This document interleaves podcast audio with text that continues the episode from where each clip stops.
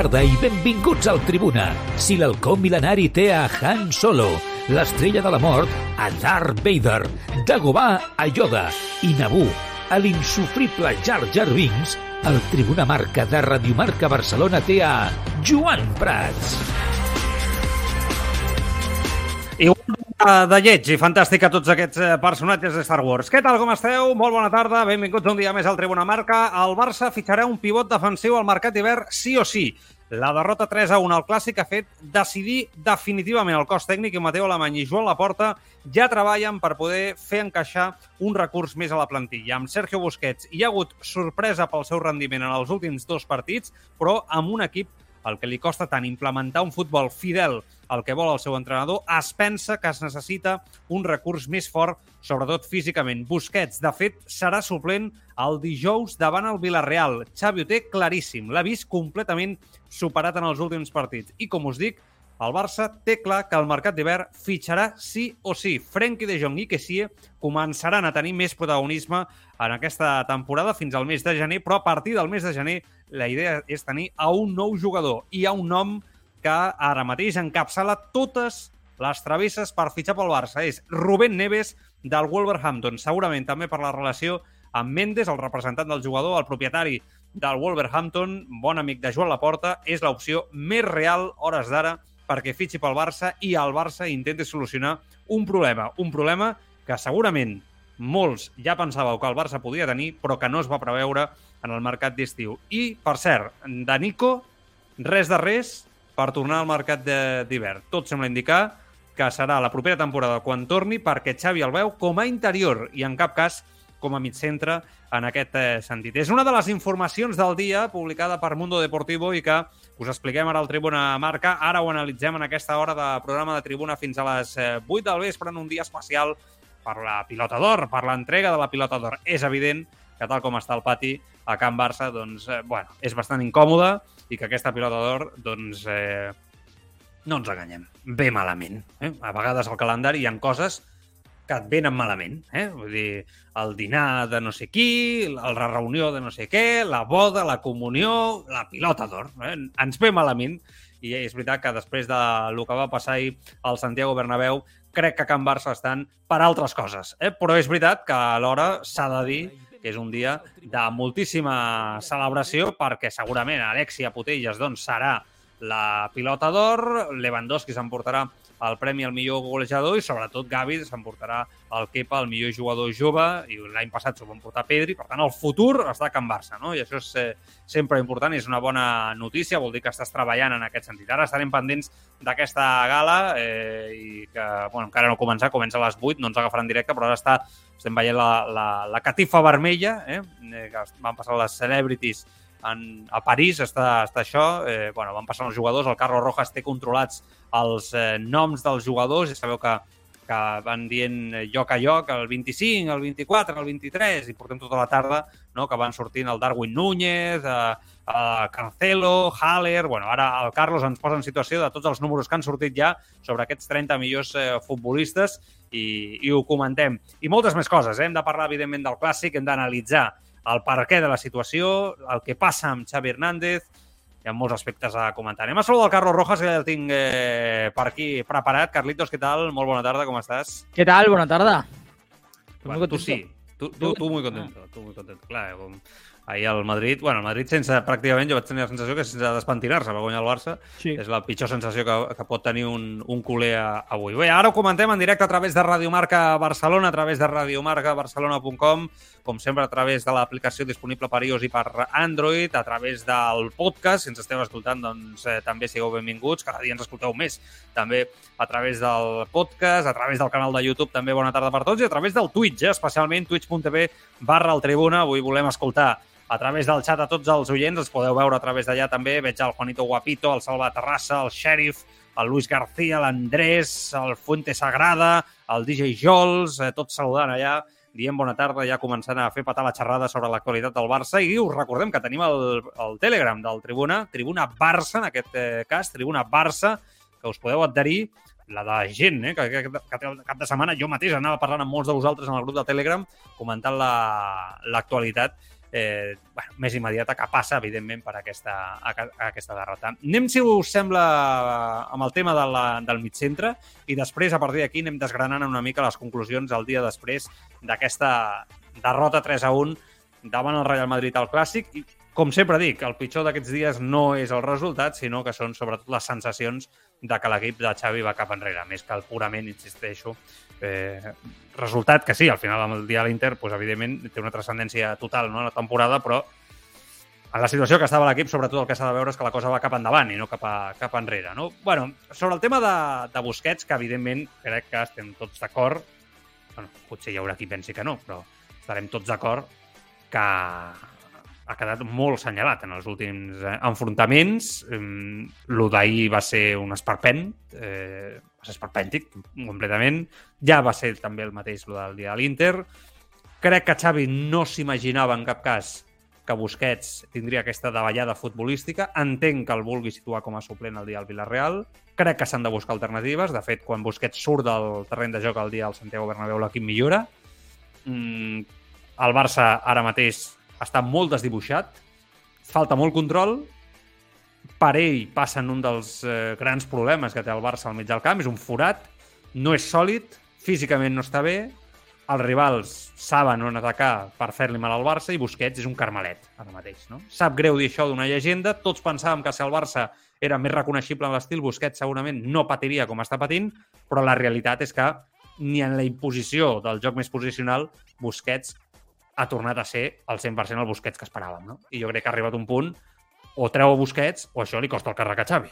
Vull dir, no vol dir que Busquets sigui l'únic culpable, eh? enteneu-me, però aquí hi ha molts culpables, Xavi és un d'ells, eh? segur, però sí que és veritat que no pot seguir amb un mig centre tan tou, perquè tot el que et dona com a pilota ara mateix no compensa el que et treu no? sense, sense ella. Per tant, allà tens un forat, entenc que el Barça digui solució d'urgència, a mi el primer que em suscita i el primer que em fa pensar és et vas equivocar a l'estiu, perquè això de Busquets i el mig centre ja ho veiem tots, o alguns, i que Busquets podia jugar, ok, que podia ser la primera opció per Xavi, ok, però necessitaves un recurs, et desfas de Nico, que Xavi segueix insistint en que no el veu en aquesta posició, jo sí que el veig, el jugador es veu, Xavi no, ok, decisió d'entrenador, però encaraves la temporada amb molts dubtes, perquè no confiaves en Nico, se'n va al València. De Jong no li agrada en la posició de mig centre, ok, que si no és un mig centre pur, tampoc l'hem vist en aquesta posició. Per tant, tenies un forat si Busquets fallava. Se t'ha desfet el, el tema i ara has d'anar d'urgència al mercat d'hivern a fitxar, segurament, a mi sí que m'agrada molt, ja ho sabeu, Rubén Neves, però no el jugador que li agrada a Xavi, perquè tota la pinta fa que el que li agrada és Tubimendi.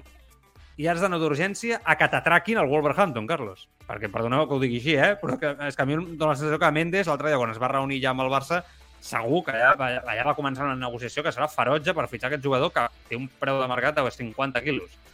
Hmm. Sí, sí, no. Eh, eh, hay una cosa que es que, bueno, evidentemente lo hemos dicho mil veces, y es que el fútbol es increíble. Eh, hace un mes, cuando estábamos haciendo el programa en el Polo, me acuerdo que el debate era si renovar a Busquets, si por qué Busquets tenía que seguir, era importantísimo además. Sí. Y, y, y, al final se ha demostrado lo que yo creo que muchos sabíamos, ¿no? Y digo sabíamos porque creo que tú también. Eh, y es que Busquets es un jugador importante para el Barça, el Barça actual, pero el día clave, los grandes rivales ya le empieza a quedar grande, ¿no? Ya empieza, no, empieza a estar para esos partidos. A lo mejor, pues para jugar contra Osasuna, para jugar contra equipos, ¿no? De en lo que es la liga regular, sí que te da, pero para las grandes noches, las grandes ocasiones, ahora mismo no es una garantía, ni mucho menos, ¿no? Eh, y ahora, evidentemente, te ves obligado porque has dejado salir a Nico, no confiabas en él, está claro, aunque a mí, insisto, me parece una buena opción. No sé si a lo mejor estaba preparado también para que rendir ante esta serie de partidos, ¿no? Inter, Real Madrid, Bayern, cuando te venga pero está claro que, que no has tenido una, un reemplazo, ¿no? No has sido lo suficientemente rápido y ahora vas eh, pues con la temporada mal, ya mal encarrilada mm. y obligado, como tú dices, a, a, seguramente a despilfarrar mucho dinero. Es verdad que Rubén Neves eh, te van a sacar dinero, pero no tanto, tanto, tanto, porque su situación contractual juega a tu favor. Por lo tanto, ahí sí que puedes ¿no? Eh, sacar más. Pero es cierto también, en ese sentido, que el Barça mmm, a lo mejor no ficha al jugador que quiere Xavi, ¿no? O, o al, ideal. Esa es la sensación, ¿verdad? Un poco. Es que yo creo que Xavi, fíjate, yo no estoy de acuerdo ¿eh? con, con, su criterio, pero creo que si Xavi pudiera fichar, le dieran el dinero ilimitado y pudiera mm. fichar a uno, ficharía a Zubimendi. Y es Zubimendi. verdad que Zubimendi... Es, es, parece que todos coincidimos en eso, pero tampoco nadie nos lo ha dicho. no, o sea, no, no, sé por qué. Xavi nunca ha dicho Zubimendi, me encanta, nunca lo ha dicho. No. Es verdad, es verdad, es verdad. Pero a mí me da esa sensación, ¿no? Y Zubimendi, por cierto, que ha renovado, pero la cláusula son 60 millones, ¿no? Todavía aún es Mm. eh, asequible. Y más si el Barça tiene estas urgencias en esa posición Claro. y si Xavi está tan convencido. Lo que está claro es que hay jugadores que, bueno, luego lo, lo comentaremos seguramente, ¿no? Pero que no pueden volver a jugar prácticamente un partido grande con el Barça. Y luego está lo del centro del campo, ¿no? Que es eh, flagrante porque básicamente no hay otra opción. No hay otra opción. Y el Barça tiene una urgencia ahí que hace un mes nos parecía no tener. Sí, una urgencia sobre todo porque no consigues controlar el fútbol y, el- y los partidos.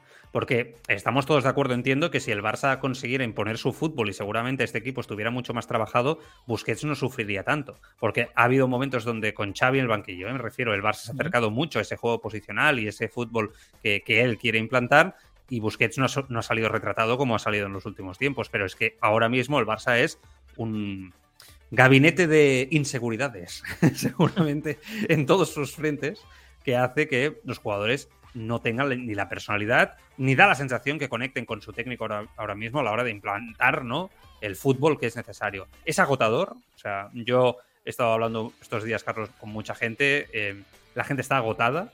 Mm, Yo mismo me declaro agotador, agotado, o sea, respecto a la situación del Barcelona en los últimos tiempos, porque eh, realmente ves que son cinco pasos adelante, ¿no? Y cuando los has dado, das diez atrás, ¿no? Sí. Y, y así es imposible. O sea, así es imposible construir absolutamente nada. Alguien nos tendría que responder por qué este equipo, ¿no? Es capaz el año pasado de tener tramos muy buenos, donde ganas 0-4 en el Bernabéu jugando un buen fútbol con personalidad y las ideas claras, y de golpe hundirse en la miseria más absoluta en los últimos, los últimos tiempos, ¿no? En las últimas jornadas y con la Europa League también. ¿Por qué este equipo comienza la temporada y de golpe se hunde otra vez en la miseria, ¿no? ¿Qué está pasando? ¿Por qué estos eh, mecanismos futbolísticos cuestan tanto de implementar? Nadie dijo que fuera fácil, todo lo contrario, sabíamos que sería complicado.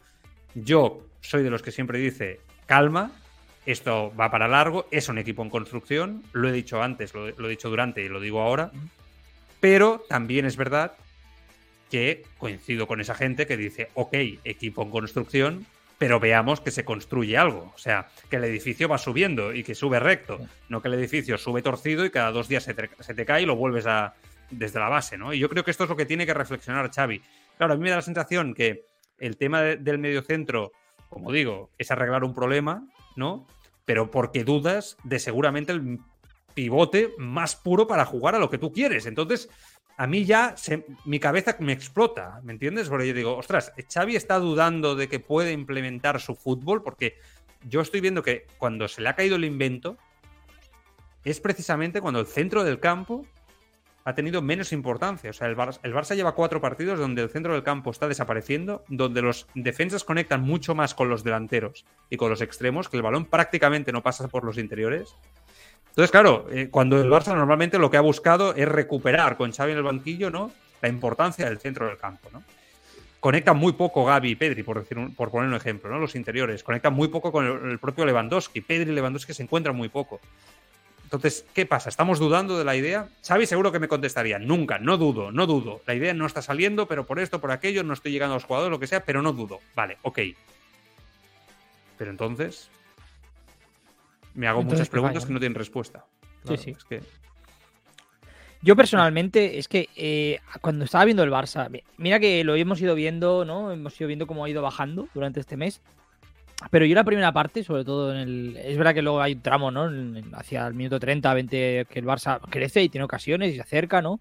Hmm. Eh, y tiene el fallo aquel de, de Lewandowski, ¿no? Por ejemplo, pero eh, yo veía, sobre todo los primeros 10-15 minutos, me dio la sensación de que el Barça eh, no, no podía. O sea, era, era una, una cuestión de, de, no sé mental, futbolística, pero de incapacidad. pura. Impotencia. Exacto. Impotencia. Estaba viendo, a ratos vi al Barça de Kuman, ¿no? Y dije, ostras, hemos llegado aquí tan, tan rápido, ¿no? Se ha tocado el fondo así tan, tan rápido. eh, y sí, y la sensación era que el Madrid iba a jugando al Trantán. Es verdad que un momento, una fase del partido se Que seguro que es equivocada ¿eh? esa sensación. O sea, seguro que tú y yo, o, o los aficionados. Sí, porque el Madrid no está porque- jugando, no está sobrado esta temporada. O sea, que a veces te, te dan unas sensaciones como, como aficionado de que el Madrid está eh, incluso contemporiza por no meterle 5 al Barça, pero que dentro del, del, juego ni dentro del campo seguro que no da esa sensación y seguro que no es así, pero daba esa sensación, ¿no? También porque el, todo Por lo el que Barça, envuelve el entorno del Barça y el entorno del Madrid, y quizá daba esa sensación, ¿no? Claro, por, por por dos cosas. Porque el, el Madrid es un equipo que en general contemporiza mucho, ¿no? Aunque vaya ganando 1-0 contra el Shakhtar, contemporiza, es un especula, ¿no? Incluso a, Sí, sí, a ra- a lo hace muy bien en eso, lo hace muy bien. Eh, y el Barça, a mí me da la sensación, sobre todo eso- que tú comentabas, ese sentimiento creo que se generaba más por el Barça que por el Madrid. Eh, Mm. El Barça era que no podía, que no podía, no, no encontraba solución y desde el banquillo a ratos vi al equipo roto totalmente, en ese- separado, en el centro del campo había un boquete enorme y, y decías, da la sensación de que si el Barça estuviera jugando contra, por ejemplo, el Barça de, de Guardiola, sale goleado. No, Eh, pero sale ya no. goleadísimo, ¿no? Otro tipo no, de... te vaya, no te vayas tan lejos. O sea, en vez del Madrid, que tampoco está en un momento extraordinario, aunque es un equipo muy solvente en lo suyo, yo me quito el sombrero una vez más ante Ancelotti, que en lo suyo, oye tú, en eso, ¿eh? Sí, sí, está haciendo las cosas muy bien, pero no te vayas tan lejos. O sea, eh, no sé, el Arsenal de Arteta. Ya no me voy al City de Guardiola. Sí, ya sí. sale cada día el Arsenal de Arteta aquí, ¿eh? La- O sea, sí, sí, pero- es de la sección. Somos fans. No, pero, pero que es un equipo en buena forma y tal, te pilla ahora en este estado y te machaca. Es que Ah, es- es que hay que decir las cosas como son. se está, nos, estamos, nos estamos perdiendo un poco en ese sentido, ¿no? La perspectiva que teníamos de que el Barça a lo mejor estaba para las rondas finales, tal. En la Champions, digo. mm. Ahora ya la sensación es todo totalmente la, la contraria, ¿no? Para mí es un problema. Yo ah, lo empezaba viendo y lo comentaba, digo, igual es de físico. Pensé, y lo dije en voz Ah. alta, ¿eh? pero luego dije, es, es una cuestión futbolística, física y mental. Mental. Las tres, las tres. Es que Sí, sí. No, hay- no- no son una, es que es las tres. Y cuando tantas cosas fallan y fallan de golpe, y no es la primera vez que pasa, evidentemente sí, es imposible no mirar al técnico y al cuerpo técnico. No, no. imposible. Imposible. Xavi habla mucho de la dinámica, ¿eh? de, la dinámica. Es verdad que los jugadores y los entrenadores, cuando hablas con ellos, siempre te dicen que esto tiene una importancia brutal en el fútbol y que muchas veces el objetivo, más que hacer cambios tácticos, es sobre todo cambiar las dinámicas, ¿no? Aun estando mal, ganar un primer partido, ¿no? Eh, aun estando mal en un partido, hacer las cosas bien y meterte en un partido y empatar y tal. Esas cosas, estos pequeños detalles, creo que el Barça ahora mismo no es capaz ¿eh? de hacer. O sea, yo creo que ahora mismo el Barcelona no es capaz de estar mal y sacar ese pequeño Esa sufrir. pequeña cosa positiva, ese gol de Luke de Jong en el último minuto, que el año pasado era capaz de sacar. Yo creo que el Barça ahora mismo está muy hundido, ¿eh? pero habla mucho de la dinámica, de la importancia de cambiar la dinámica. Lo decía Buenas Xavi. tardes. Bueno, Xavi la Hernández. sensación de que tengo ahora mismo es que estamos en una dinámica negativa, que no nos sale nada, que lo intentamos, que, que tenemos fe, que tenemos amor propio y lo intentamos hasta el final. Pero esto es el fútbol.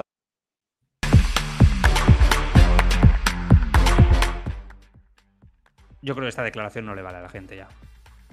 O sea, yo entiendo ¿eh? lo que quiere decir Xavi. Al final Xavi lo ve desde el punto de vista professional. Però entiendo también a la gente, jo entenc molt a la gent que estigui fins als nassos d'escoltar segons quines coses. I no crec que sigui culpa de Xavi, ni crec que la gent ho personalitzi en Xavi, més enllà de que avui, evidentment, s'està dubtant a l'entorn sobre si Xavi té l'experiència suficient o no suficient per entrar al Barça. No? O si s'ha arribat, si s'està equivocant, no? Bueno, això és normal que, ho, que la gent ho dubti i que ho parlem i ho analitzem, aquí ho hem d'analitzar. Pero es verdad que, ¿no, Carlos? Que, que, que yo creo que viniendo de donde venimos, la gente, el discurso de las dinámicas y, el fútbol es cruel, la Champions es cruel, o la excusa arbitral, que parece que impera bastante dentro del club a día de hoy, ¿no? Después de los últimos partidos, ahora, hablaremos de la porta y tal. Bueno, yo creo que no vale. Al aficionado no le vale y creo que se hacen un flaco favor si se agarran a eso, ¿no? Y yo creo que también hay un problema de lectura de cuál es el problema del equipo. Me da la Totalmente. sensación, hablo desde fuera, ¿eh? me puedo equivocar, que no se está encarando el problema ni se está cogiendo el toro por los cuernos. Esto a veces en la vida eh, pasa, ¿no? Te quieres engañar a ti mismo. te engañas. cuando- Tú ves el problema y dices, no, lo, no, no, te- me engaño a mí mismo, ¿no? El problema está ahí, encáralo, hijo. Cuando, cuando hablábamos aquí, ¿no? Eh, es- días ante- anteriores, ¿no? De, que Xavi decía, no, primera parte excelente, el planteamiento bien, pero Rafinha no lo ha sabido ¿no? aplicar, no ha sabido materializarlo. A, a mí eh, es verdad que yo pensaba, no, no creo que Xavi piense esto de puertas para adentro, seguramente sea mucho más crítico, ¿no? Autocrítico. Pero realmente el paso de las semanas nos dice lo contrario. es decir, el, el- el Xavi no habrá mucha diferencia problemas. entre lo que pasa afuera y lo que pasa dentro Exacto, respecto y nosotros creíamos estoy, que estoy sí. de acuerdo. Y, y ahí es un problema enorme ¿eh? para, para Xavi. Yo no sé si es porque él se siente atacado o, o- o porque tiene miedo de perder el control. Yo creo que hay mucho de esto, de que tenga miedo de que si admito demasiado, ¿no? Lo que tú dijiste otra vez, eh, me expongo mucho y ya pierdo el control de la situación, el entorno se me viene encima, los jugadores entran en una dinámica que no, ¿no?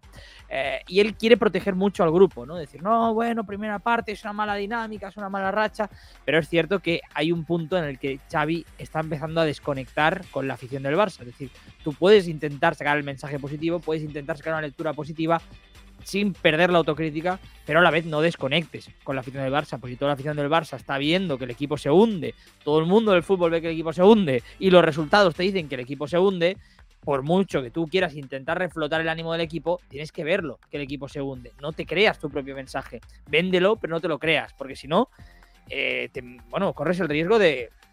Te toca un mal grupo de Champions, no reaccionas, te toca un clásico y ahora la, ¿no? el turno que hay otra vez de partidos Mm. no reaccionas, te descuelgas y adiós temporada. Y por supuesto, adiós Xavi. Ojito, ¿eh?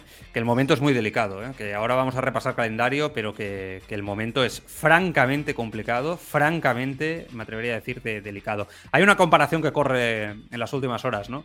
Eh, por redes sociales, un poco el entorno del, Barça, la comparación Xavi y Kuman, ahora os doy mi punto de vista, pero bueno, hay mucha gente que lo está comparando, por lo tanto lo vamos a hacer nosotros también y, y supongo que imagináis qué pienso, ¿no? Primeros 50 partidos de Xavi en el Barça, 28 victorias, 11 empates, 11 derrotas, goles a favor 94, goles en contra 51, primeros 50 partidos de Kuman en el Barcelona, 33 victorias, 7 empates, 10 derrotas, 117 goles a favor, 53 goles en, en contra. Eh, ok, los números son números, pero los números muchas veces para mí no reflejan las sensaciones, ¿no? Que es por las que muchas veces se rige este club, o se debería regir este, eh, este club desde un punto de vista de que es muy importante el cómo, ¿no? Aquí podemos estar de acuerdo sobre el debate del estilo, de si esto ha pasado, lo otro y tal, pero siempre ha importado mucho, ¿no? Eh, cómo ganas. Hay habido equipos ganadores, ¿no? Bangal ganaba ligas y, era pitado, ¿no? Bueno, el cómo es muy importante. Y es cierto que, para empezar, yo creo que con Kuman había un factor diferencial, que era tener a Messi. Tú quitas a Messi de ese equipo y el equipo lo deja noveno, ¿no? Y vete a saber dónde hubiera acabado. Con Messi arregla mucho estos números. O sea, me parece que es muy injusta esta comparación. Y ahora más que nunca es cuando seguramente no se tiene que dudar de ese estilo propio, de esa manera de jugar al fútbol que hace único al Barça como club. Porque es ese momento, el de ahora, en el que seguramente lo más fácil es alejarse de ello y dejar de creer, ¿no? Ahora hay que creer, pero yo digo una cosa. Ok, creamos, pero hagamos las cosas bien. O sea, o sea, está muy bien practicar un fútbol y una idea y recuperarla, pero hagamos las cosas bien. O sea, apliquemos el estilo y la idea de una manera correcta. Y no hagamos inventos. Y sepamos también aceptar cuando hay jugadores que ya no están. Porque los dos partidos más importantes del año, los primeros dos importantes, porque el de Múnich aún no era esto, Inter y Madrid. Por el camino han caído Piqué y Busquets, sentenciados ya para lo que resta de temporada. ¿De verdad esto no se sabía antes? Entiendo que no son los únicos culpables, ¿eh? pero ¿de verdad no se sabía antes que Piqué y Busquets ya no estaban para esto? Es decir, a uno lo intentaste echar, se quedó, ¿vale? Ok. Y al otro, la duda estaba ahí, ¿no? Entonces, es verdad que, que hay un oyente que dice, ¿dónde está el estilo, no? Es verdad, yo os lo compro esto. No hay estilo. O sea, la idea es que no hay estilo. Yo creo que Xavi quiere imponer lo que por su cabeza va muy rápido, porque él lo entiende perfectamente, a unos jugadores que no lo entienden. O sea, esa es mi sensación. Yo creo que Xavi sabe perfectamente lo que debía hacer el Barça el otro día en el Bernabéu, incluso después de encajar el 1-0, porque él ese partido lo ha jugado 50.000 veces en su cabeza y como futbolista, como entrenador en su cabeza y, y como futbolista. Pero por lo que sea, pues hay gente que sabe mucho pero no sabe transmitir. Pues eso es lo que hay que hacer. O sea, saber llegar al futbolista. Porque ahora mismo el futbolista no lo entiende. Yo a Pedri, por ejemplo, le pido mucho más. Le pido mucha más personalidad en el terreno de juego. E incluso em, estoy empezando a verlo perdido sobre cuándo relantizar. Es que hay mucha gente que dice, no, es que se juega muy, muy horizontalmente, etcétera. No, es que mi sensación, ¿eh? me, puedo, equivocar porque no he hablado con el cuerpo técnico, pero mi sensación es que, Carlos, el equipo estaba intentando buscar esa pausa que hemos dicho tantas veces para intentar bajar el ritmo del Madrid, matarlo de alguna manera, pero claro, se confunde eso con, con, volverte completamente inoperante. O sea, al final hacer cuatro o cinco toques de balón, eh, ¿no? Cada control, eh, jugar horizontalmente, no buscar la verticalidad en ningún momento, y al final, claro, llega la pérdida y después hay un problema de actitud. Porque es verdad que en todos los goles, no, en los dos, el del penalti no tanto, es una pérdida de balón y vuelve la mitad, ¿eh? O sea, hay cinco o seis tíos que se quedan arriba. arriba. Rafiñas, Dembélé, Lewandowski, ok, pero Rafiñas, Dembélé, algún interior. O sea, ¿qué pasa? ¿Que estos son mejores que los demás? ¿Estos no tienen que bajar? O, o sea, aquí hay también un problema de. mmm, no me da la gana. O sea, sea, que yo creo que se junta todo, ¿no? El tema táctico y después que, por lo que sea, pues sí, hay algunos jugadores que el otro día y en los, ulti- en los dos últimos partidos no han ido todo lo que tenían que ir. Yo no Es sé si triste, por- ¿eh? Pero otra es vez que- ha pasado esto. Es que ha- hay, hay muchísimos analistas, muchísimos, que tú los ves por la televisión y da gusto cómo analizan el fútbol. Y dices, ¿cómo pueden saber tanto, no? Y cómo entienden. Mm. Pero no es lo mismo analizar el fútbol y explicar el fútbol que Xavi lo explica. Las ruedas de prensa de Xavi son una maravilla para quien quiera ponérselas. Muy bien y lo tiene muy claro. Y yo creo que sabe muchísimo de fútbol. No se, no se trata de que Xavi no tenga ni idea de fútbol. Simplemente que el mensaje no está llegando. Y en ese sentido, yo he visto mucho hoy, eh, sobre todo desde Madrid, evidentemente, ¿no? Porque es una Mm. mofa recurrente. eh, muchas dudas, pero también en el barcelonismo del estilo, ¿no? De que si el estilo está caduco. Claro, el Barça no está jugando a su estilo. Es decir, que Xavi tenga un discurso no significa que, que, que- que- la idea esté, esté fracasando, simplemente está fracasando la ejecución, ¿no? El transmitirlo, la transmisión de la idea, ¿no? A la, a la ejecución. Eh, el Barça de ayer, ¿en qué momento se pareció a, a lo que quiere ser? Mm, Minuto 30 al, tre- al 40 prácticamente, ¿no? que es cuando alternó dos o tres posesiones largas, diagonales Mm. por dentro, ahí es cuando consiguió ¿no? tener esas dos ocasiones claras de gol. Eh, ahí el Barça conectó, ¿no? Pero, pero lo que tú dices, hay jugadores perdidos. Yo creo que aquí también pesa mucho que algunos físicamente están agotados. Lo que Pedri, por ejemplo, eh, hay muchos partidos que no lo ha puesto, ¿no? Yo creo que porque Pedri está agotado físicamente, ahora mismo en este inicio de, de temporada. Gaby no lo sé, pero ¿eh? ayer no, es- no es titular, ayer, ¿no? Y Pero "Ostras, tú ves no, a Gaby, tú ves a Gaby y ves cómo juega, cómo se deja el alma, Hmm. y, y lo comparas con otros futbolistas y te das cuenta que eso es otro fútbol. No hace falta decir No, nombres. claro, es también está la, mentalidad. Pero es que Sí. creo que. No, no, pero es que fíjate lo que te voy a decir. Que no vale. Y algunos son fichajes de este año. O sea, tú ves a Gaby y dices, quiero. O sea, el Barça lo que necesita es tener a 11 tíos con esa mentalidad y esa ambición. Mm. Si no la tienes, vete a tu casa. Porque el club ahora mismo lo que necesita es 11 Gabis a nivel de mentalidad. Es así. Es que es así. O sea, cuando sales con dos extremos que salieron con la actitud que salieron, y uno ha costado muchos millones este verano y el otro costó muchos millones en- en- en- hace ya no sé cuánto tiempo, porque me parece años. que lleva toda la vida aquí este hombre. Intocable, yo no entiendo qué ha hecho para ser tan intocable. A mí no me valen ya. Yo, yo ya tengo un interrogante constante con Dembélé y con Rafinha para toda la temporada, porque han habido, sobre todo en el Bernabéu, cuando de- esperabas que el equipo reaccionara después del Inter, tuviera una actitud, etcétera y tal, que no han salido con esa actitud. Entonces dices, a ver, ¿qué pasa aquí? Porque dices, ok, te puede superar el Madrid. Te puede superar. Claro que sí, te, te puede ganar. Es un gran equipo el Santiago Bernabéu. Pero donde no te puede ganar el Madrid es en ganas, en implicación. Sí, sí. Es que No, no, es- ahí, ahí eso sí, más en este es el Madrid, viene, el Madrid viene de ganar dos títulos, la Liga y la Champions, es lo más importantes. eh, con una columna vertebral precisamente, ¿no? Que es verdad que luego hay Mm. jugadores jóvenes, no nuevos, que están llegando y están apretando muy fuerte, ¿no? El caso de Fede Valverde, Rodrigo, Vinicius, ¿no? Todos estos. Bueno, Pero pero, todos se dejan la vida y todos tienen las ideas. Claro, pero que voy, tú ves a Modric y dices, Modric ha ganado cinco Champions. ¿Y cómo iba Modric ayer, no? O, o Tony Cross, ¿no? Tony Cross, que ha ganado todo también, ¿no? Y que se dice que puede ser su último año, la jugada que se inventa para el primer gol, ¿no? Prácticamente, vamos, que, que- que- que- que rompe líneas el solo en una carrera que hacía tiempo que no le veíamos, ¿no? Eso es implicación, eso es ir a morir, eso son ganas. Y eso. eh, el Madrid compara- ha fallado, ¿eh? También en algunos tramos de su historia más reciente y el equipo se ha hundido. O sea, al final. Hazard no tiene eso y por eso es suplente. Por ejemplo. eh, exacto, está fuera de dinámica, ¿no? Quiero decir, por ejemplo, es un jugador que yo creo que a todos nos gusta mucho. Yo creo que, que por perfil puede triunfar en el Barça, pero ahora mismo, en otras circunstancias, tanto Dembélé como Rafinha, lo, iba- lo iba a decir por Rafinha, pero he añadido a Dembélé por el camino. Hombre, por En supuesto. condiciones normales serían, vamos, suplentísimos dos, tres partidos, porque la actitud de los últimos partidos y lo que están aportando es nula. Comparado con lo del jugador del Madrid, ¿no? uno de ellos tú lo has dicho, ha venido este, este verano, ¿no? No ha costado ser. muchos millones. No puede ser. Eh, és, és bueno, eh, inadmissible. Eh, llegeixo missatges de seguida, ara vamos a leer mensajes, eh, però acomiadem a la FM, eh, us deixem amb el Merlos i amb el Fórmula Marca, em quedo fins a les 8, una mica més, suposo, també amb la gala de la Pilota d'Or, comentant l'actualitat del Barça. Hem d'explicar encara molts aspectes de, que cuegen eh, de, de l'altre dia, perquè no és poca. Eh? La cosa pinta malament. Eh? I, I allà dins comença a haver dubtes més enllà de Xavi, en altres figures del cos tècnic. Ara us ho expliquem. Eh, insisteixo, tallem la FM, us deixem amb el Merlos i seguim a Twitch, twitch.tv barra el Tribuna, YouTube, podcast, a través de radiomarcabarcelona.com, a través de l'aplicació mòbil. Vinga, va, ara seguim.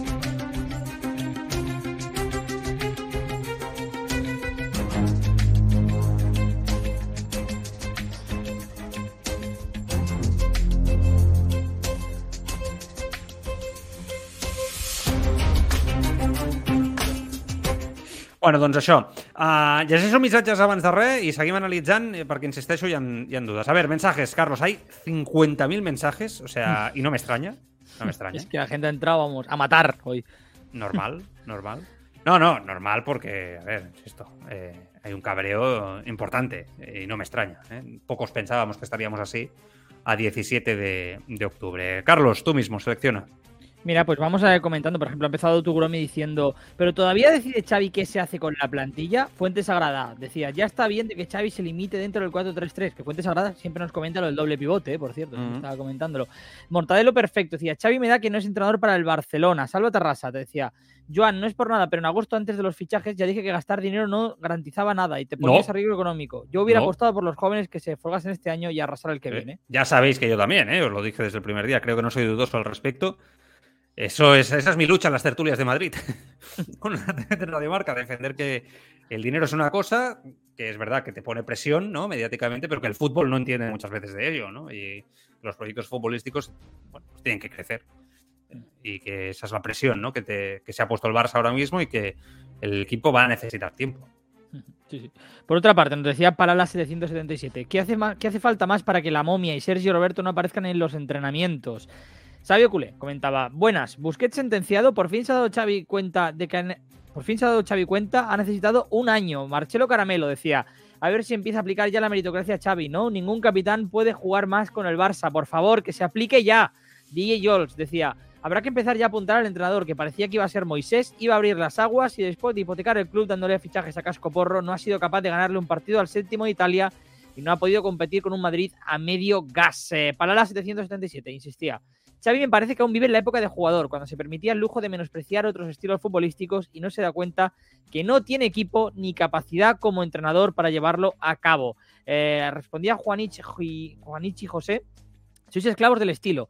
El estilo puede variar según las circunstancias. El fútbol es cambiante y uno se ha de adaptar. Y claro, los jugadores que crean un estilo ya no están. Y a lo mejor hay que probar o de vez en cuando tener variantes para contrarrestar al contrario. Y un último comentario de Fabio Culé que decía, eso demuestra que Xavi no ve la realidad que todo el mundo vemos, que Busquets está acabado y que Dembo y Rafinha no funcionan. Ya dije desde el primer día que Rafinha era un Malcolm.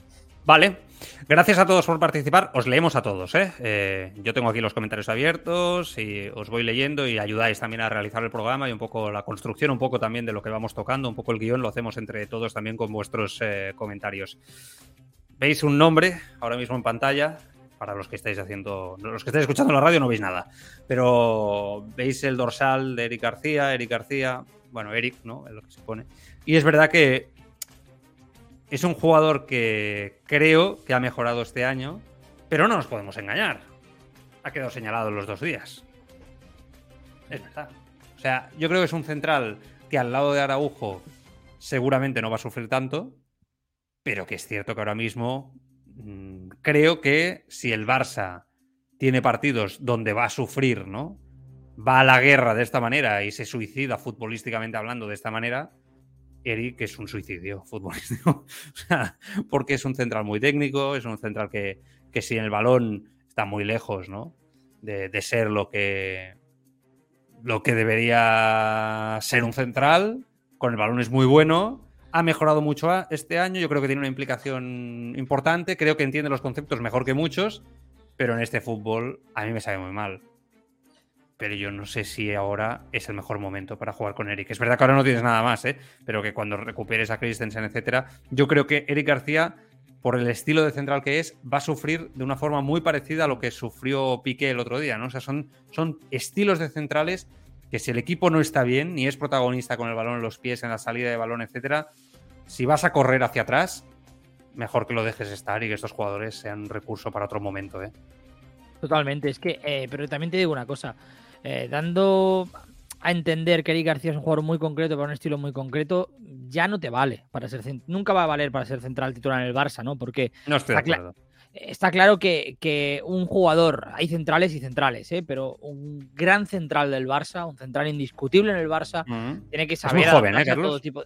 pero es muy joven este jugador. Yo creo que hay, una falta de yo creo que hay una falta de calidad en, el juego de Eric eh, que yo creo que no se puede no se puede mirar. Sin el balón los pies, ¿eh? entiendo. O sea, sin el balón sí, sí, claro, evidentemente nadie duda de la calidad que tiene técnicamente, tú lo has dicho, es un privilegiado y, por eso yo creo que es un entrenador que gusta mucho a los entrenadores, ¿no? Porque es un de eh, hecho, suficiente incluso a veces pienso para jugar de medio centro. Es un jugador muy moderno. Sí, es un jugador muy moderno, de pivote a lo mejor en algún partido, puede, puede funcionar ahí. No sé si alguien le, puede, le, va a probar, ¿no?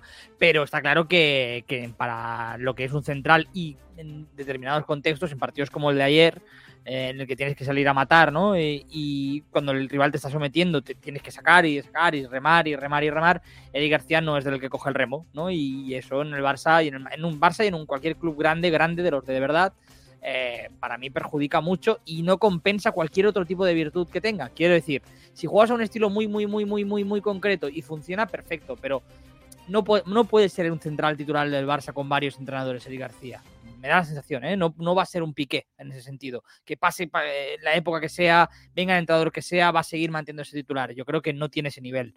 Y hay que empezar a ser conscientes de ello, que es un jugador interesante para ser un tercero o cuarto central si la cosa va bien en el Barça, pero no le da para ser un central titular a 50 partidos en una temporada. No sé. Yo creo que es un central que debe crecer mucho aún quiero ver, yo creo que está aún muy verde en algunas facetas defensivas, pero que si sale mucho más protegido y con un Barça evidentemente siendo mucho más protagonista, con el balón en los pies y con las ideas más claras, creo que no sale tan retratado y que incluso da mucho en esa salida de balón y, divide muy bien, ¿no? Y creo que ese factor es por donde empieza seguramente cuando el Barça es el mismo hacer daño al rival. Es verdad que ahora mismo, pues, hay que decir las cosas como son, ¿no? Ha quedado muy, muy señalado, sin ser para mí el gran culpable. Para mí es penalti claro por, mm, sobre Rodrigo. Creo que la jugada no, no deja duda. Es verdad que el Barça está recibiendo malos arbitrajes, es cierto. Yo creo que estamos. ¿Tú estás de acuerdo, Carlos? Que, penaltitos, jugaditas, pars, que lo de Lewandowski quizá tenía que ir a verlo. Bueno, bueno, quizá tenía que ir a verlo. Yo no lo habría pitado, ¿eh? el, de, Lewandowski, pero, pero sí que a lo mejor lo, tenía que haber ido a ver. El empujón de Carvajal a Dembélé, ¿no? Ese sí que me parece más penalti. El que he visto que además no, en, en, directo no lo vimos nadie. ¿no? No, no, no, Claro, es que sí tampoco lo protestó él, no se vio mucho. Bueno, este tipo de a cosas. a lo mejor es la toma, ¿no? Quiero decir que también nos engaña. Pero a mí, eh, desde esa toma me parece penalti el de Carvajal. Pero el de Lewandowski a mí me parece un contacto insuficiente para, para pitar penalti. Pero bueno. Eh, que sí que es verdad que ¿no? entiendo el descontento porque no hay tanta tensión en un clásico, pues eh, siempre hay un equipo que acaba pidiendo, ¿no? No, no creo que fuera un, atraco a ningún equipo el de ayer, ¿no? Pero ha habido clásicos mucho más polémicos para tanto para, para Barça como para Madrid. Sí, sí, no, no, que no puede ser de excusa, igual que tampoco era de excusa el tema de, No, pero tampoco, lo ha utilizado de excusa el Barça, hay que decir, al final la porta pierde los papeles, pero tampoco ha habido un clamor. A mí me parece que lo de ayer de la porta es lamentable. No, no, yo hablo de la porta, pero el Barça en general, no, no, como club, los jugadores, Xavi, no, nadie ha utilizado eso. Pues te voy a decir que cuando preguntas en el entorno del club, un poco el run run, la primera respuesta, todos árbitros, ¿eh? Todos árbitros. no, no, no, o sea, te cuento las cosas tal como son, ¿eh? Todos árbitros. por ellos, los árbitros tal, los árbitros no sé qué, los árbitros no están, nos ayudan, eh, cagadas arbitrales. Bueno, eh, parece que la porta va a recibir entre 650 y 3.000 euros por bajar los vestuarios eh, encararse con los árbitros. Ya complicado, porque parece que el hijo también fue detenido en Madrid, ¿no? Por un presunto maltrato en un restaurante de su pareja de, Madrid. El tema también desagradable, ¿no? También no gusta, ¿no? Pero es verdad que, creo que eso nos demuestra. El presidente tiene que estar donde tiene que estar. Mm. Entonces, el equipo se hunde. ¿El equipo se hunde por los árbitros? No. Para mí es muy evidente, muy claro. ¿Hay decisiones arbitrales que no ayudan? Sí, como la mayoría de veces que cuando un equipo se hunde futbolísticamente. o sea, eh, creo que hay que ser claros. Que la excusa arbitral vino muy bien después de lo de la Champions, al Inter, a muchos, al Xavi el primero y tal, vale, ok, pero ya no cuela. Entonces no hay que caer en, el, en la trampa, me parece, ¿no? Que es una trampa, para mí es una trampa. Y hay que ser conscientes. Y creo el ridículo de la porta es espantoso. Espantoso. O sea, es que no que, eres un matón de discoteca. No, claro, es que, eres un matón de discoteca. de qué vas? Sea, ¿de qué vas? O sea, te calmas, como todos, y te muerdes la lengua, como todos, en nuestra vida, en nuestro trabajo, cuando las cosas no salen como deben de salir, con las injusticias de la vida. ¿Le, hablo yo de mis injusticias en mi vida, o Carlos de las suyas, o los oyentes de las suyas? ¿Verdad que no hacemos nada, ni vamos por la vida como energúmenos ni, orangutanes? Pues eh, calma, porque esta etapa de la porta estaba siendo más tranquilita.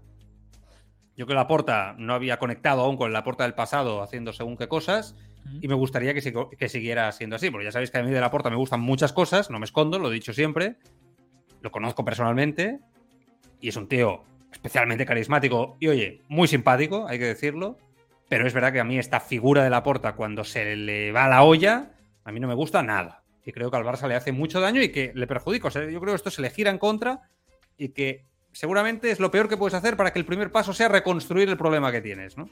Sí. Por lo tanto, dejémonos de, historias y de tonterías. Ahora, ¿qué os explicamos? Sí que es verdad que la junta directiva no se apunta a Xavi, esto es cierto, pero sí que se duda de que tenga el equipo técnico más adecuado para sacar las cosas adelante. Y esto, ojo, porque me parece interesante. Hoy hay algunos medios como el Diario Sport que también lo explican, que Laporta está reiterando su confianza en Xavi, públicamente, en privado, que no tienen dudas al respecto, pero que algunos miembros de la Junta sí que tienen dudas sobre quién acompaña a Xavi. Por ejemplo, su hermano Oscar, ¿no? Dudas respecto a si tiene la preparación suficiente para conectar con deportistas de élite a este nivel, con futbolistas a este nivel, y que Xavi, pues quizá no tiene el mejor cuerpo técnico a su lado.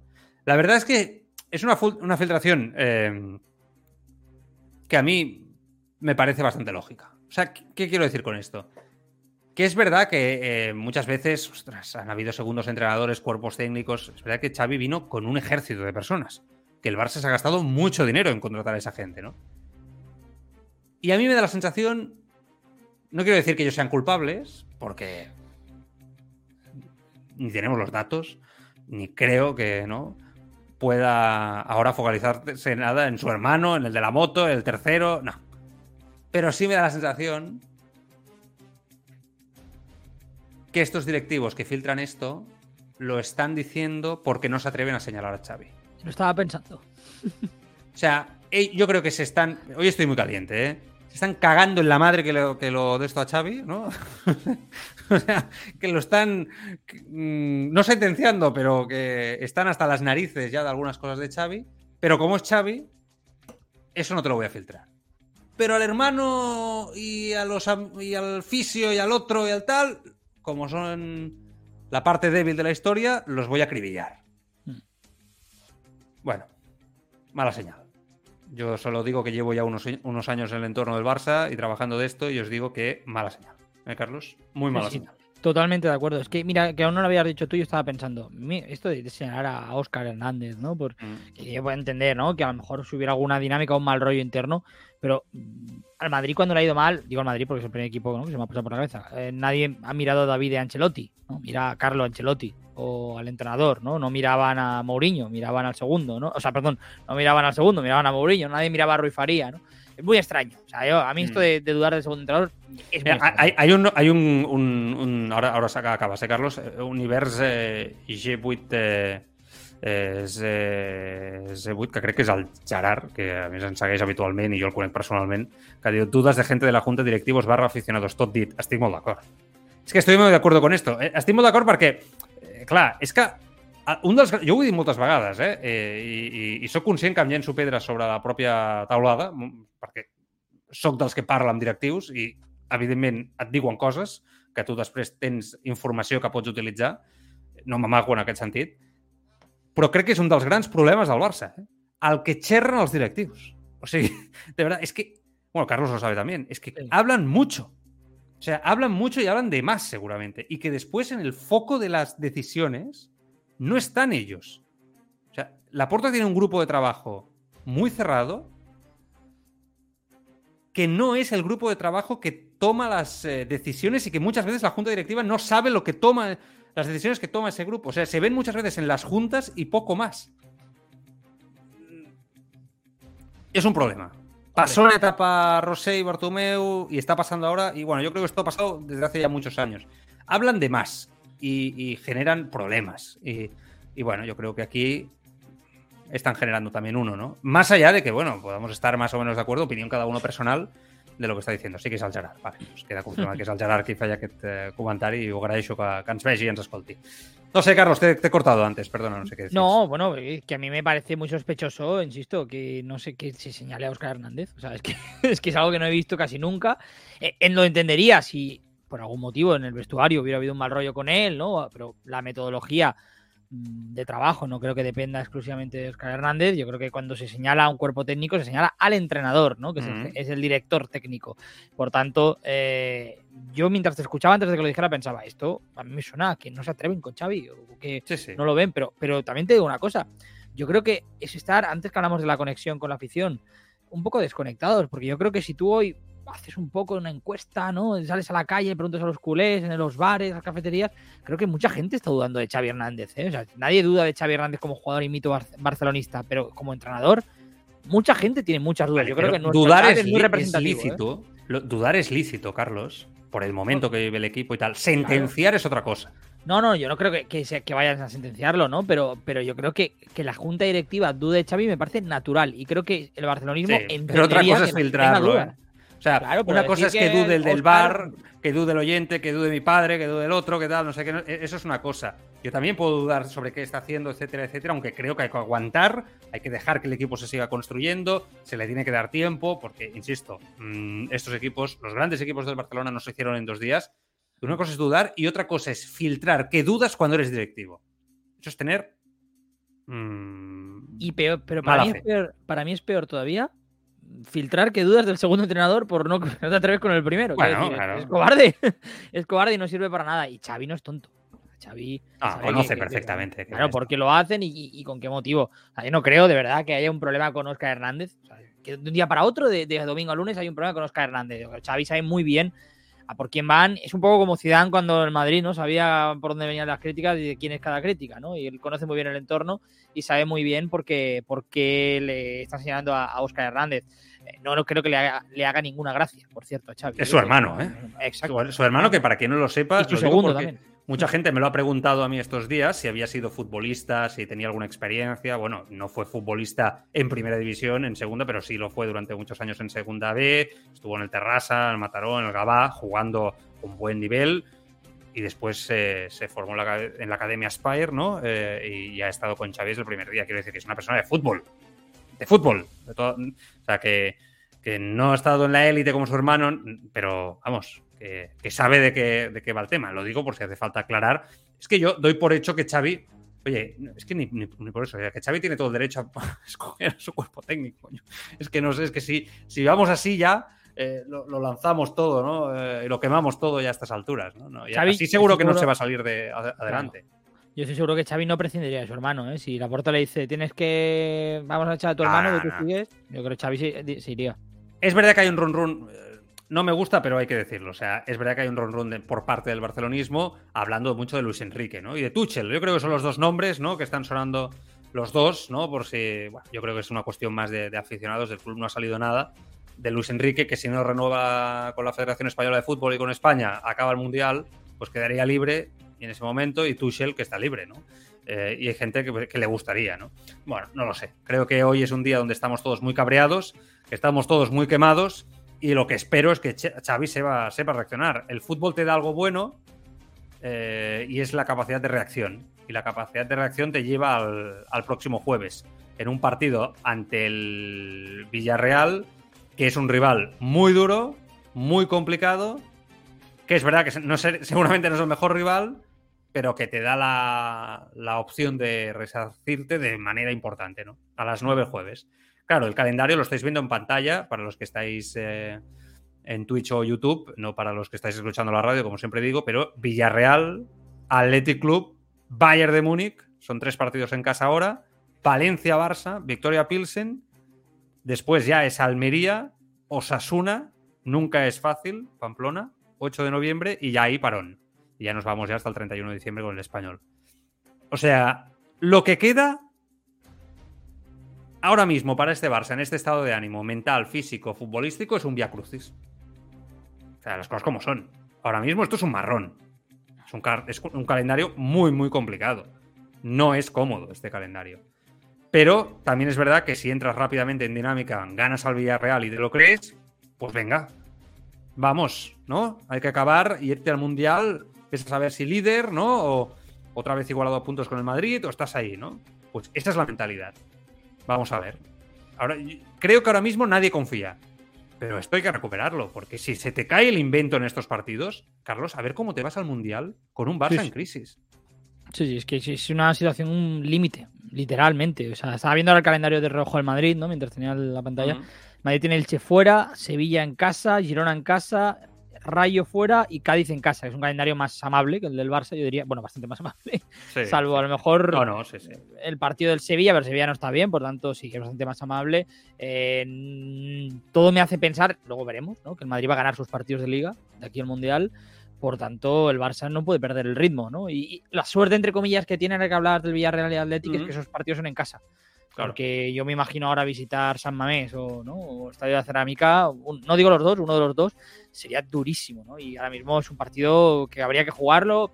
Pero es verdad que ganar el fútbol, esto, si, reaccionas bien y luego ganas otros partidos contra el Athletic, vete a saber si te sale bien, ¿no? Con lo del Bayern. Pues, pues, no digo que vayas a seguir vivo en Champions, pero que te sale un buen partido y le ganas al Bayern, ¿no? el Bayern para mí es lo más incómodo que hay en este calendario. Porque si tú te recuperas ante el Villarreal y el Athletic Club en casa, y el Bayern, yo qué sé, vamos a, vamos a soñar de que el Victoria Pilsen empata contra el Inter, puede venir el Bayern y ganarte en el Camp Nou, porque es un equipo mucho mejor que el Barça actualmente, ¿estamos de acuerdo? Entonces, otra vez te vuelve a joder. Es que hoy estoy siendo muy mal hablado, lo soy consciente. ¿eh?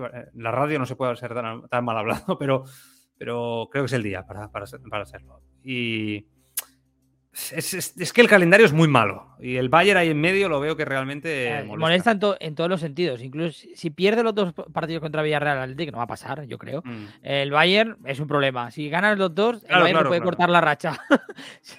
bueno, pero también puede ser lo que te digo. Hay que ser fuerte, hay que salir para adelante. Es que no hay otra. Imponerte las, las, circunstancias que tú has dicho. Yo creo que el Inter le gana al Victoria Pilsen, pero si le gana el Inter a la Victoria Pilsen y tú le ganas al Bayern, pero te sale un buen partido y le ganas, también puede ser un refuerzo de moral, ¿no? Decir, ostras, mira, hemos ganado a Villarreal y Atlético, al Bayern, ahora ya estamos, ya hemos vuelto un poco, ¿no? vamos a acabar bien antes del Mundial. Ahora, eh, yo todo esto lo encaro en, clave liga, porque en clave Champions yo sinceramente la doy por perdida. O sea, me parecería un milagro de dimensiones catastróficas ya que el, que el Inter no se metiera, que poco que, hemos visto con el Inter. Sí, pero poco, poco que hacer en ese aspecto. Bueno, eh, vamos a hablar del tema del balón de oro. Eh, Gaby opta al Copa, eh, Bellingham y Musiala son sus rivales. Parece que Gaby lo ha ganado por las filtraciones. Putellas favorita en el balón de oro femenino, Benzema en el masculino, Lewandowski eh, Saneu y Mbappé podrían ser segundos o terceros. Lewandowski se lleva el Müller. Están todos ya en París. Finalmente ha viajado Laporta. Xavi no. La verdad es que ha sorprendido que Xavi no viajara. Eh, se habla de que, de que, Xavi estaba realmente tocado eh, ayer y que no quiere saber absolutamente nada, que se quería aislar con su cuerpo técnico a trabajar. A mí me parece bien. No es día para dejarse ver en galas. Me parece muy bien, muy buena decisión. Es lo que espero del entrenador del Barça en una situación tan delicada como esta, sinceramente. Por lo tanto, creo que ha actuado bien. La puerta estaba a punto de no ir y no encontrarse con Messi. Recordad que Messi le quería, la puerta le quería dar algo a Messi, un homenaje en privado, una placa o algo por, por los años que hizo de que debutó, creo que fueron 18 años, etcétera, pero, pero no, no, no, finalmente ha ido, ha ido con Enric Masip. Eh, hay una primera imagen ya de los jugadores del Barcelona eh, acercándose a la, a la, alfombra, a la alfombra roja vestiditos ya todo, todo monos, eh, ellos con sus smokings, eh, Pedri, Gaby y, Lewandowski, parece los Oscars, estos están nominados eh, a los premios esta, esta noche. Bueno, ya sabéis que yo no soy muy partidario de este premio y que me parece que es una... Bueno, es que creo que sigue sin, sin conseguir, ¿no? reflejar lo que para lo que es el premio, que es tener una una decisión sobre los mejores a nivel individual, ¿no? Eh, con una condición sine qua non o con un acercamiento a una, a una manera de decidir lo más justa posible. Creo que la gente va perdida sobre qué decide, cómo se decide. Vamos a ver si ahora esto de los años naturales, futbolísticamente hablando, ¿no? Eh, de septiembre a junio, que es cuando se decide, pues eh, creo que puede ayudar, ¿no? Pero bueno, pasan cosas muy raras en torno a estos Eh, premios y hay mucha sí. política. No, no, sí, sí, tienes razón en eso lo último, pero lo del cambio a, a año- a temporada, de año natural a Ujú. temporada, es lo mejor que ha hecho el Balón de Oro nunca, ¿eh? Sí. Porque Lo eh, segundo se que puede hacer es darle el balón de oro 2020 a Lewandowski. sí, se desvirtuaba mucho el premio, la verdad. Hay que decir, ¿no? Porque muchas veces llegaba mayo, ya había acabado la temporada, todos teníamos claro que iba a ser el balón de oro, ya parecía que la segunda mitad de temporada no tenía mucha, del año, digo, no tenía mucha Ujú. emoción. Eh, y luego, incluso a veces, ¿no? Por un buen inicio de temporada, bueno, como Cristiano, pues me acuerdo en 2013, ¿no? Acabó ganándolo por un inicio brutal. Cuando Sí, sí. se había al final de temporada, ¿no? No tenía ninguna opción. Eh, yo creo que tiene sentido que el fútbol vaya por seg- según temporada, como todos los premios, por Pichichi sea por temporada, ¿no? Todos sean por temporada, salvo el balón de oro, así que tenía sentido. Dicho esto, una gala hoy que aburridísima, porque todo el mundo sabe quién va a ganar, pero bueno. Sí, más o menos está todo dicho, ¿no? Eh, ya está todo, todo claro. Eh, me, me gusta que, que el Barça repita dos años seguidos llevándose el Kepa. Me gusta mucho. Me gusta porque creo que, que- que tienes a dos jugadores que, tienen que ser el epicentro del futuro, ¿no? Precisamente Pedri el año pasado ganador, Gaby este año. Me gusta, me gusta, me gusta porque creo que entre tanta mala noticia o, o este sistema apático, pues eh, es importante, ¿no? Ver que ahí el futuro está. Y después me gusta mucho por Putellas, ¿no? Que aún con la lesión, el mundo del fútbol la, la escoja. ¿Tú estás de acuerdo con lo de Gaby? No, yo se lo habría dado a Bellingham este año. Mira, mira si te conozco, ¿eh? Sí, sí, yo este año se lo habría dado a Bellingham. Al igual que el año pasado tenía claro que era de Pedri, eh, yo creo que Bellingham, o sea, no porque Gaby no se lo merezca, sino porque creo que Bellingham ha estado a un nivel superlativo. Seguramente, si el premio se pudiera repartir dos veces, que es algo que no sé por qué con los jóvenes no se hace, Pedri incluso estaría por delante de Bellingham, ¿no? Pero como se le puede nominar, pero por deferencia nunca se repite al joven, pues eh, fíjate, yo antes se lo habría dado a Pedri que a, que a Gaby. Eh, pero en comparación, Bellingham-Gaby, yo creo que me hubiera quedado con Bellingham. Coincidimos por eso que el impacto de Gaby en un equipo como el Barcelona, la presión es mayor que en un equipo como el Borussia Dortmund. Quiero decir que el Borussia Dortmund es un equipo dado a promocionar a jugadores jóvenes y a situarlos ¿no? Eh, de una forma más atrevida incluso, ¿no? Mm, como protagonistas de su fútbol, siendo un gran jugador, ¿eh? Bellingham, no, yo creo que es indudable. Que en el Barça, ¿no? Que aparece en un momento Gaby, que llega con una potencia desde abajo brutal y se afianza en un equipo como el Barcelona con una proyección mediática mucho más importante, barra una presión mucho más alta. Yo creo que por ahí es por donde se explica, porque los jugadores, a día de hoy, yo no te sé decir cuál va a tener el techo más alto.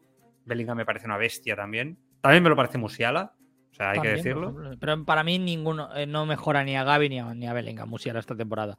De, toda- de todas formas, Pero yo una- sí que creo ¿eh? que es justo que Gaby esté por esto, esto que te comento un peldaño por encima de Bellingham. ¿eh? Claro, porque la derrota en el Dortmund no es, es mucho más barata que la derrota en el Barça. Claro, ¿no? aquí, una derrota te mata para siempre. ¿eh? Claro que en el Dortmund, tú, tú comentabas esto, lo de escaparate, porque en las temporadas del Dortmund no lo marcan los títulos ni lo marcan las victorias, ¿no? Es Claro. verdad que la del Barça no ha sido la mejor en ese sentido, ¿no? Pero eh, claro, precisamente por eso, ¿no? Una temporada como la del Dortmund y el Barça, que será similar en cuanto a estadísticas, parece que la del Barça sea un fracaso brutal y la del Dortmund, pues una temporada más, ¿no? Y al final, eh, pues es un poco el impacto, ¿no? Por eso también eh, es más complicado que un jugador del Dortmund gane el balón de oro que, que uno del Barça, ¿no? Porque el Barça tiene más repercusión. Pero bueno, eh, es un poco el arma de doble filo. En cualquier caso, yo creo que por temporada individual Bellingham está por delante de Gaby, pero no me parece un atraco, ni mucho menos. Me parece No. justo que Gaby también sea reconocido. Al- Oye, que tampoco pasa nada, ¿eh? O sea, que estos premios. Tampoco eh, creo que le impo- le importe mucho a los jóvenes. No, y Bellingham tiene pinta de que va a acabar en el Madrid, ¿no? Eh, es Bueno, ya veremos, que esto. Bueno, pero muy Florentino largo, ¿eh? creo, creo que Florentino se le ha puesto entre ceja y ceja. Es muy bueno Bellingham, hay, que- hay que reconocerlo. Es verdad que, que, que Gaby también es muy bueno. Es que los dos son muy buenos y Musiala también es muy bueno. Es que viene una generación de estos chavales de esta generación muy buena, ¿no? Por, por detrás y algunos ya son eh, reconocido presente. Eh, De lo de Benzema está claro. Sí. Nos atrevemos a decir quién va a ser segundo, quién va a ser tercero. Yo, yo creo que va a ser Mbappé segundo, Lewandowski tercero, creo.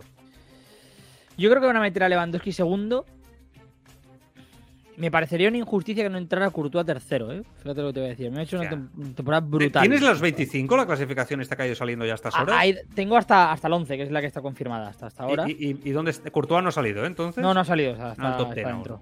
Está dentro, sí, sí. Dila si quieres. Di, di desde el Sí, 25 pues mira. hasta el 11, dilo. Así. salido en el 25 Rudiger, Maignan, que es el portero del Milan, Cance- Cancelo y Kimmich, y en Mm. Kunku también, y Darwin Núñez eh, y Rudiger. A partir de aquí el 22 Phil Foden Mm. y Bernardo Silva y 30 Alexander Arnold. El 21 eh, Harry Kane, en esta posición. Luego el número 20, Cristiano Ronaldo. 17 para Casemiro, eh, Luis Díaz y Blaovic. Casemiro, y porque ¿eh? sal- sí, pasa, pasa del 20 al 17 porque hay tres ¿eh? empatados en esta posición. Eh, el decimosexto, Van Dijk. El decimocuarto, Fabiño. Sí, Van Dijk. Medio, año lesionado, ¿eh, Bandai? Pero bueno, no sé. Sí, bueno, mí- pero Messi sobre no todo yo creo la segunda. La Ya me estoy poniendo nervioso, parte. ya me estoy poniendo nervioso. Ya, ya estoy escuchando los nombres, cancelo. O sea, prepárate que ahora, ahora, ahora que te vas a enfadar más aún. Decimocuarta posición para Leao y Fabiño. Es que es una locura deci- esto. Decimotercero, eh, Política esto. Sebastián Aller. De- duodécimo, Riyad Mahrez. Y un décimo, hasta el último que ha salido, eh, Heung-min Son. Claro, cierto, esto es política. ¿eh? Porque hay nombres ahí que ni de coña pueden estar entre los 25 mejores jugadores del mundo. Eh, Mañán, por ejemplo, o, o Leao, que son jugadores que son muy buenos, ¿eh? Pero. Nkunku, bueno, ¿no has esto- dicho? En. Kunku, por ejemplo, buen jugador, pero vamos. Cancelo, que es un buen jugador, pero, Cancelo, macho, El propio Casemiro ha hecho una temporada. es verdad que ha Casemiro, ganado todo esto, eh, pero no. totalmente. sí. no sé. Vamos a ver eh, cómo acaba quedando, pero bueno, que ya sabéis que aquí nos lo tomamos un poco también con filosofía, esto del, Sí, del sí. balón de, de oro. Eh, más cositas para, para ir acabando. Eh, juicio hoy del caso Neymar 2, ha comenzado hoy en Barcelona, va a durar hasta el lunes. eh, quedará visto para sentencia. El juicio hace referencia a una denuncia del grupo DIS, propietaria del 40% del brasileño en su momento cuando estaba en el Santos. Piden que se pague la cantidad eh, pertinente. La imagen es esperpéntica hoy de los juzgados. ¿La has visto? Sí, sí. O sea, Neymar, los padres, Sandro Rosell, ahí sentados. Es una eh, imagen que- Bartomeu, Ahora es 2022. el Barça. Si hubiera, si hubiera salido en 2016, esa, esa imagen habría sido. Ya, pero, pero hace, hace daño esto, esto al club. Claro, claro, sí, sí, daño hace seguro. Sí, sí. Eh, sensación de que el Barça es incapaz ¿no? de, de- de salir adelante, ¿no? De alguna manera. En... Claro, es que ahí se ve en imagen, para los que lo estáis viendo por Twitch o YouTube. A ver, Neymar, el padre, la madre, el Espíritu Santo, Bartomeu, Rosé. Es que no sé, yo creo que, es una imagen insisto, ¿eh? que banquillo de acusados, ¿no? Ostras, dices, madre mía, cuánto daño han hecho el Barça, ¿no? Todos ellos. Y, y cuánto seguimos sufriendo, ¿no? Por imágenes como, como esta, que hoy yo creo que se ha resumido, que con la que está cayendo aún futbolísticamente tengamos que ¿no? desviar nuestra atención en algún momento hacia los juzgados para un caso por el dinero de Neymar, ¿no? que ya no juegan en el Barça. Que dices, madre mía. Muy mal, muy mal. En fin. Eh, y Mbappé, que ayer dijo que se quiere quedar en el PSG, que él no sabe nada de esto de irse. Yo no he pedido jamás irme en enero. Esta información salió en día de partido y no entendía nada. Estaba tan sorprendido como todos los demás. Es totalmente falso. La gente puede pensar que estoy involucrado en esta noticia, pero no estoy implicado en absoluto. Vale, ¿nos lo creemos o no nos lo creemos? No me Eh, lo creo para nada. Porque nada, es ¿eh? que No te lo creo. hay. Y por- voy a hacer el matiz, ¿eh? Eh, A diferencia de cuando hicimos aquel debate, ¿no? Del que había habido filtraciones y que aquí habíamos creído demasiado en España y tal. Cuando salió lo de Mbappé, lo sacamos en marca, pero lo sacaron todos los medios de Francia también. Lo sacaron todos los medios, algo que no había pasado. Fue, unánime, sí, sí. Eh, vamos, me parece clarísimo que. Yo no digo que sea exactamente así, pero que han utilizado, han orquestado algo para, para intentar Este- el árbol. Este me recuerda a Figo una barbaridad.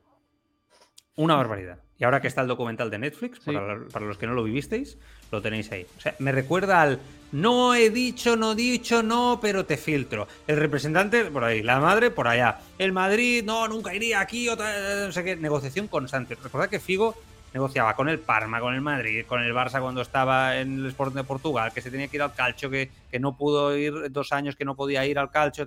horrible. Siempre jugaba todas estas historias para sacar la mayor tajada. Y este chico, su entorno es muy parecido. Me recuerda mucho. O si queréis al de Ronaldo Nazario, que también cuando estaba en el Barça, lo que pasa es que después ya fue diferente Ronaldo. Pero en ese momento también era muy tóxico. Se parece mucho lo que es ese entorno. Y a mí no me la cuelan. Y yo ya lo dije el otro día. Haría bien ni Barça ni Madrid de meterse en este berenjenal con Mbappé.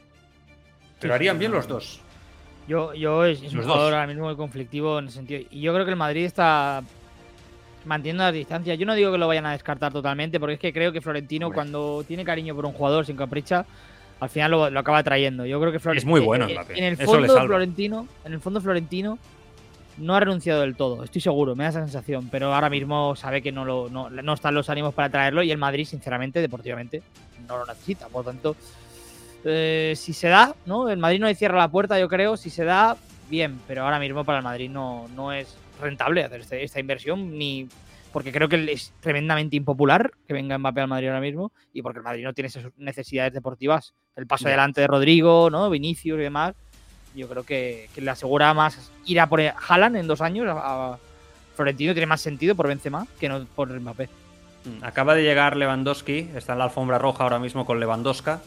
Eh, que me hace gracia esto, soy así de tontito, me río con estas cosas. Lewandowski y Lewandowska. Eh, y, y está hablando. ¿Pincho Ibai o qué? O, sea, o- o vamos a tener cacao aquí con, lo- con los Ah, derechos y tal. No por Ibai, eh, que Ibai seguro que no dice nada, pero, pero bueno, con esto de YouTube y todo. bueno, no me la voy a jugar, eh, no me la voy a jugar porque si no vamos a tener problemas. Está hablando. De todas formas, creo que está hablando con, con, con France Football, no está hablando Sí, con Víctor. Navarro, que es el que está con Ibai, así que no lo, no lo íbamos a entender tampoco.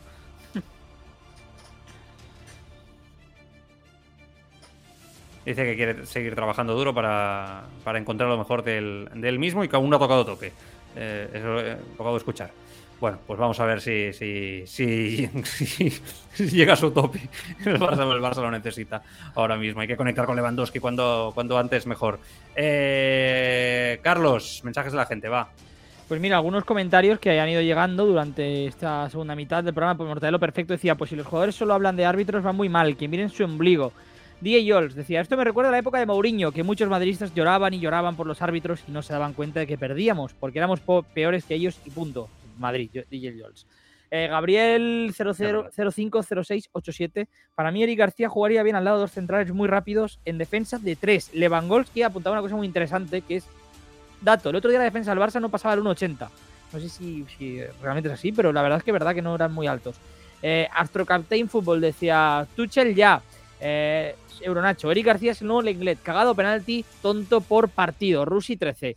Que Xavi haya sido uno de los tres mediocentros de la historia no quiere decir que sea o vaya a ser buen entrenador. Y por último, Carlos Corbella, ser tan talibán del 4-3-3, sobre todo contra equipos grandes, nos está matando. Equipo largo y defensa vendida. Estoy viendo que ha llegado la porta a la alfombra roja ahora también. Eh, ha pasado por delante de Lewandowski, Pedri y Gaby y ni los ha mirado. Eh, Curioso.